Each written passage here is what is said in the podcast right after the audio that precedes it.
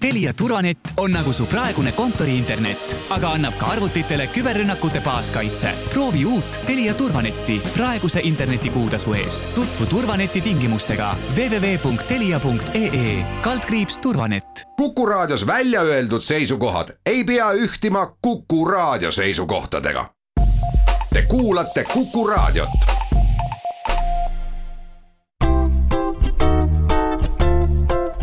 patsiendiminutid. patsiendiminutid toob teieni Eesti Patsientide Liit. tere, head Kuku kuulajad! mina olen Kadri Tammepuu ja täna me räägime enneaegsetest lastest. Pole ju saladus, et need pisikesed vajavad elu esimestel kuudel erilist hoolt ja saate lõpuosas jõuamegi sinna, kuidas igaüks saaks aidata, et beebid saaksid haiglas parima hoole osaliseks, mida tänane teadus võimaldab meie tänane külaline on Tallinna Lastehaigla pediaatriakliiniku juhataja, doktor Reet Raukas.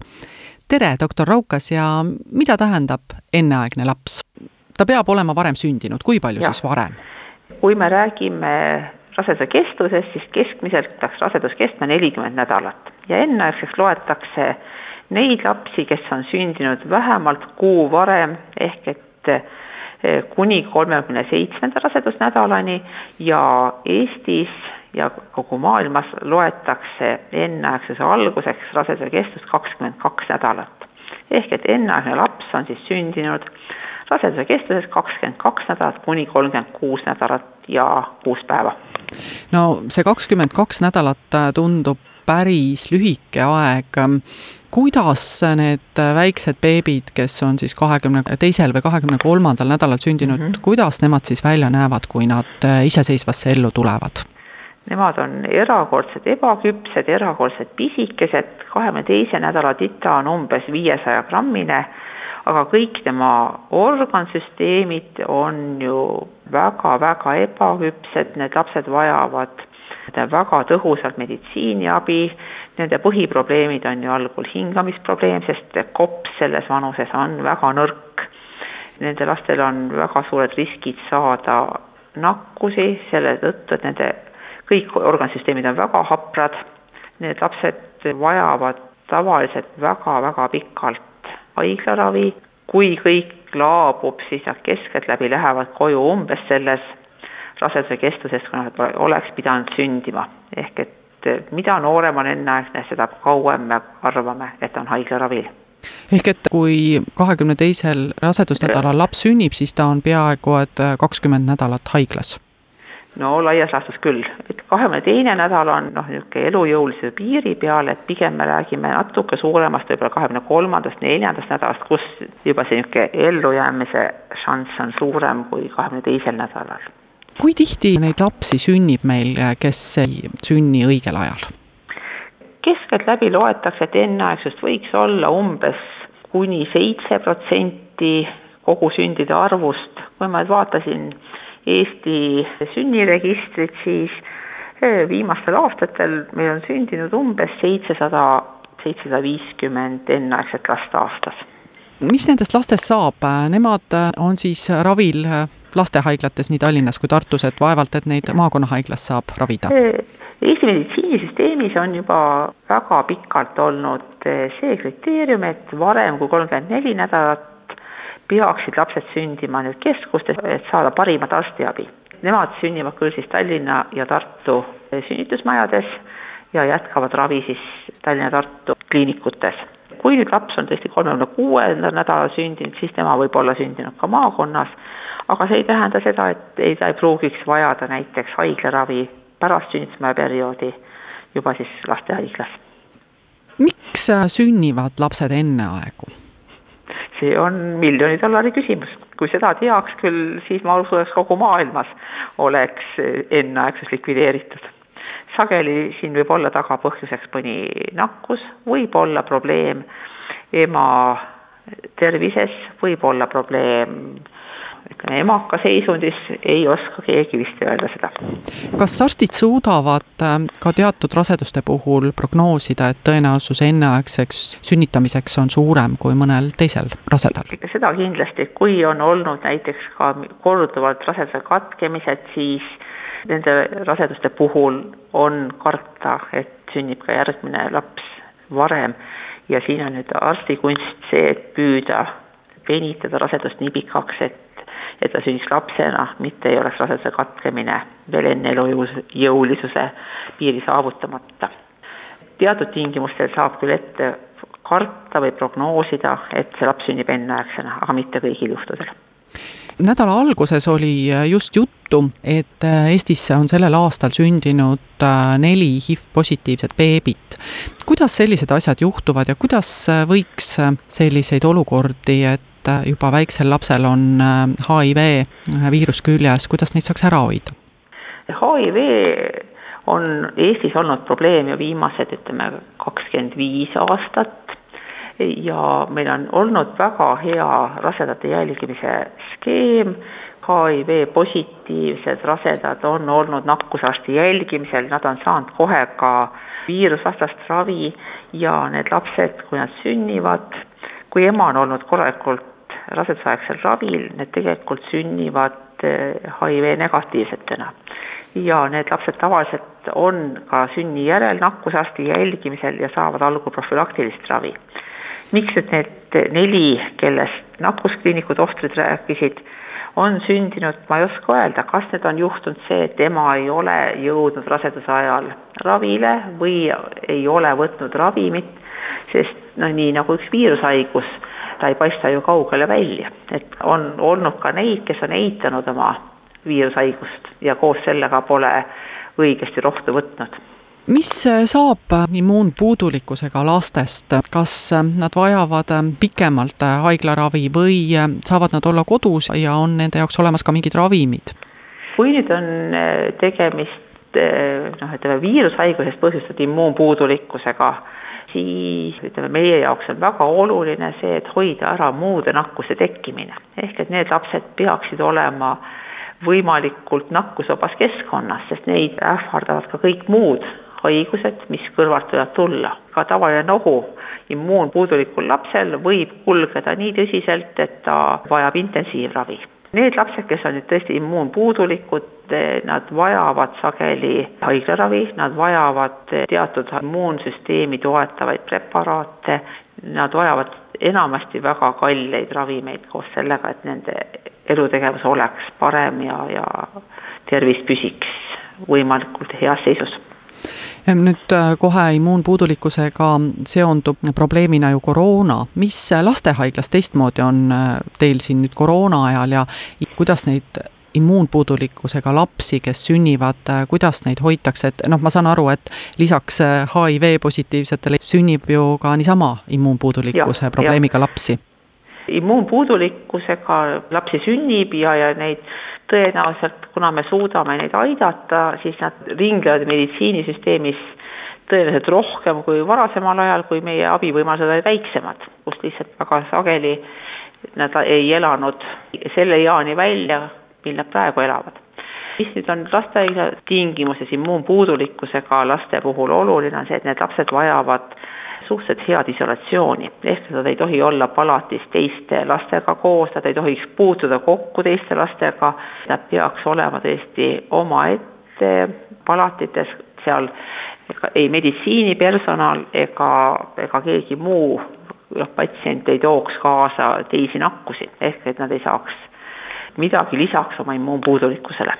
Kuidas neid lapsi siis ravitakse, me oleme näinud, kuidas ähm, arstid panevad selga skafandreid ja respiraatorid, et kas ähm, meditsiinitöötajad, kes käivad immuunpuudulikkusega lapsi ravimas, kas äh, nendel on ka eririietus seljas? Need meedikud, kes aitavad nüüd immuunpuudulikkusega lapsi, alati ei pea skafandris olema, küll aga nad peavad kindlalt kaitsma oma hingamisteid selle eest, et nendega kaasa elavad mikroobid ei jõuaks nüüd immuunpuudulikkusega patsiendini. meedikud kannavad maski, sageli nad kannavad ka veel näos lisaks visiiri, nad kasutavad kindaid, nad kasutavad noh, tõesti teatud tingimustes skafandreid selleks, et patsient säästa ja hoida eemal muud bakterid. kas emasid hoitakse ka taolistest beebidest eemal? oma ema oma lapsele ei ole ohtlik aga ema, noh, vanemad üldse ja ka teised õed-vennad peres, kui need lapsed on nüüd suuremad, peavad väga tõsiselt jälgima nii kätehügieeni kui ka kõiki muid nakkuste vältimise võimalusi. emad ja lapsed on ikka koos alati. Läheme siit väikesele pausile, peatselt jätkame, nii et jääge kuuldele. patsiendiminutid. patsiendiminutid toob teieni Eesti Patsientide Liit stuudios on lastearst Reet Raukas ja Kadri Tammepuu. me räägime täna enneaegsetest lastest. Te ütlesite, et immuunpuudulikkusega lapsed vajavad eraldi palateid. kas nende patsientide, väikeste patsientide hulk ajas pigem kasvab või kahaneb, kas lastehaigla peab tegema remonti näiteks, et ähm, kohandama palateid? Nende patsientide hulk kasvab ajas ja järjest rohkem me tunneme puudust sellest, et meie palatid ei ole omal ajal ehitades olnud ühekohalised, niinimetatud isolaatorid, et me saaks neid immuunpuudulikkusega patsiente omaette paigutada. mõtleme sellele, kuidas hakata osakonda niimoodi reorganiseerima, et me saaks immuunpuudulikke patsiente paremini ravida. juba niisugused projekti mõtted käivad uue ehituse jaoks kui äh, nüüd äh, väiksed beebid pääsevad haiglast välja, mingil hetkel ikkagi arstid äh, tunnistavad nad nii tugevateks, et nad võivad minna koju.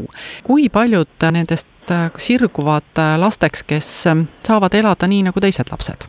kui me räägime enneaegsest lapsest, siis enneaegsetest suurem osa sirguvad tublideks ja tragideks ja nad ei vaja ütleme, kõrvalist abi koolieas või teismeeas siiski on küll ka enneaegsed, kelle ebaküpsus oli nii suur, et nende elukvaliteet ei ole sada protsenti hea, nii nagu teistel ajalistel lastel.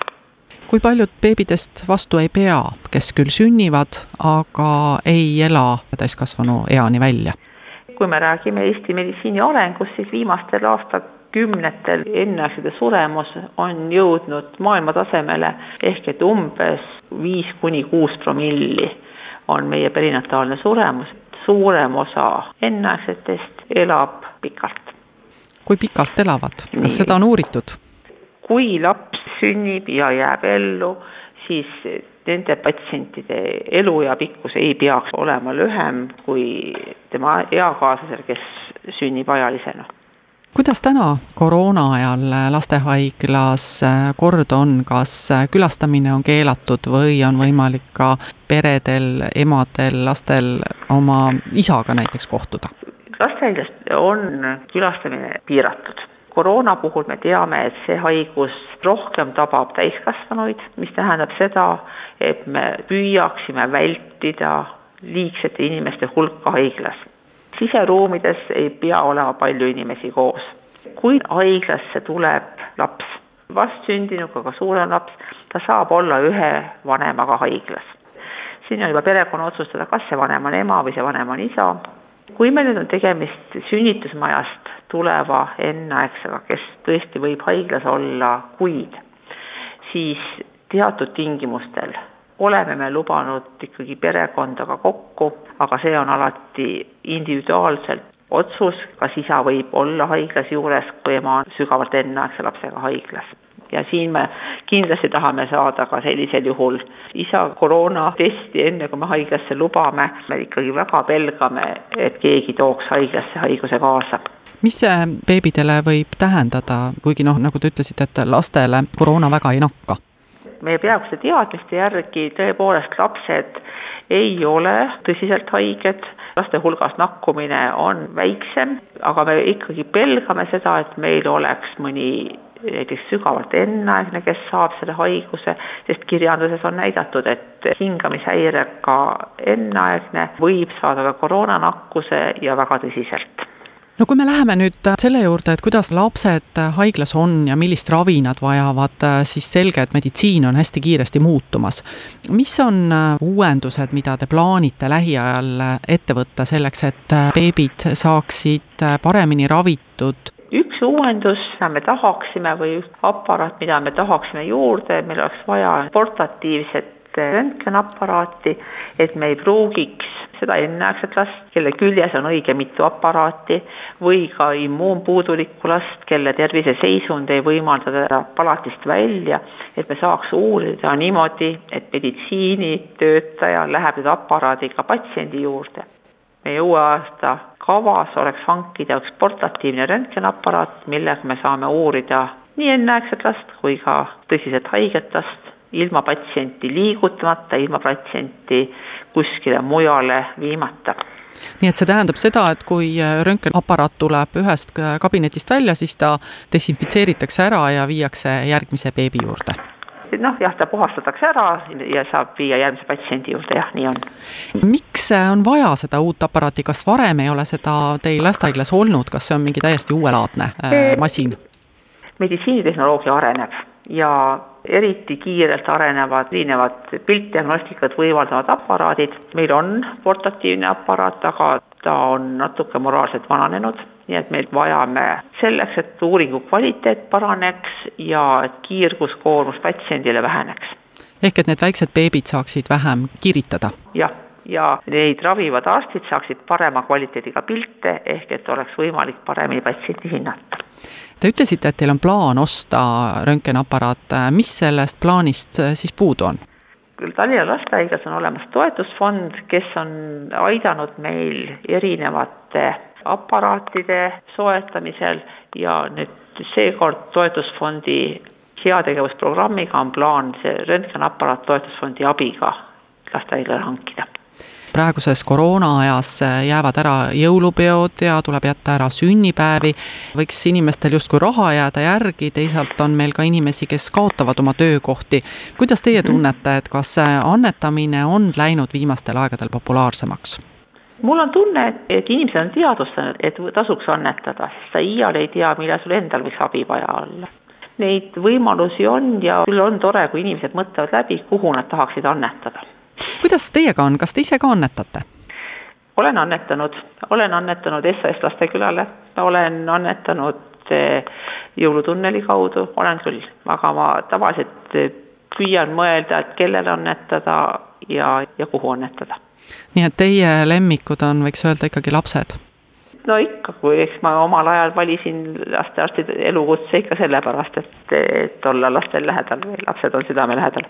mida annetamine ja heategemine annab inimestele, mis te arvate või mis ta teile annab?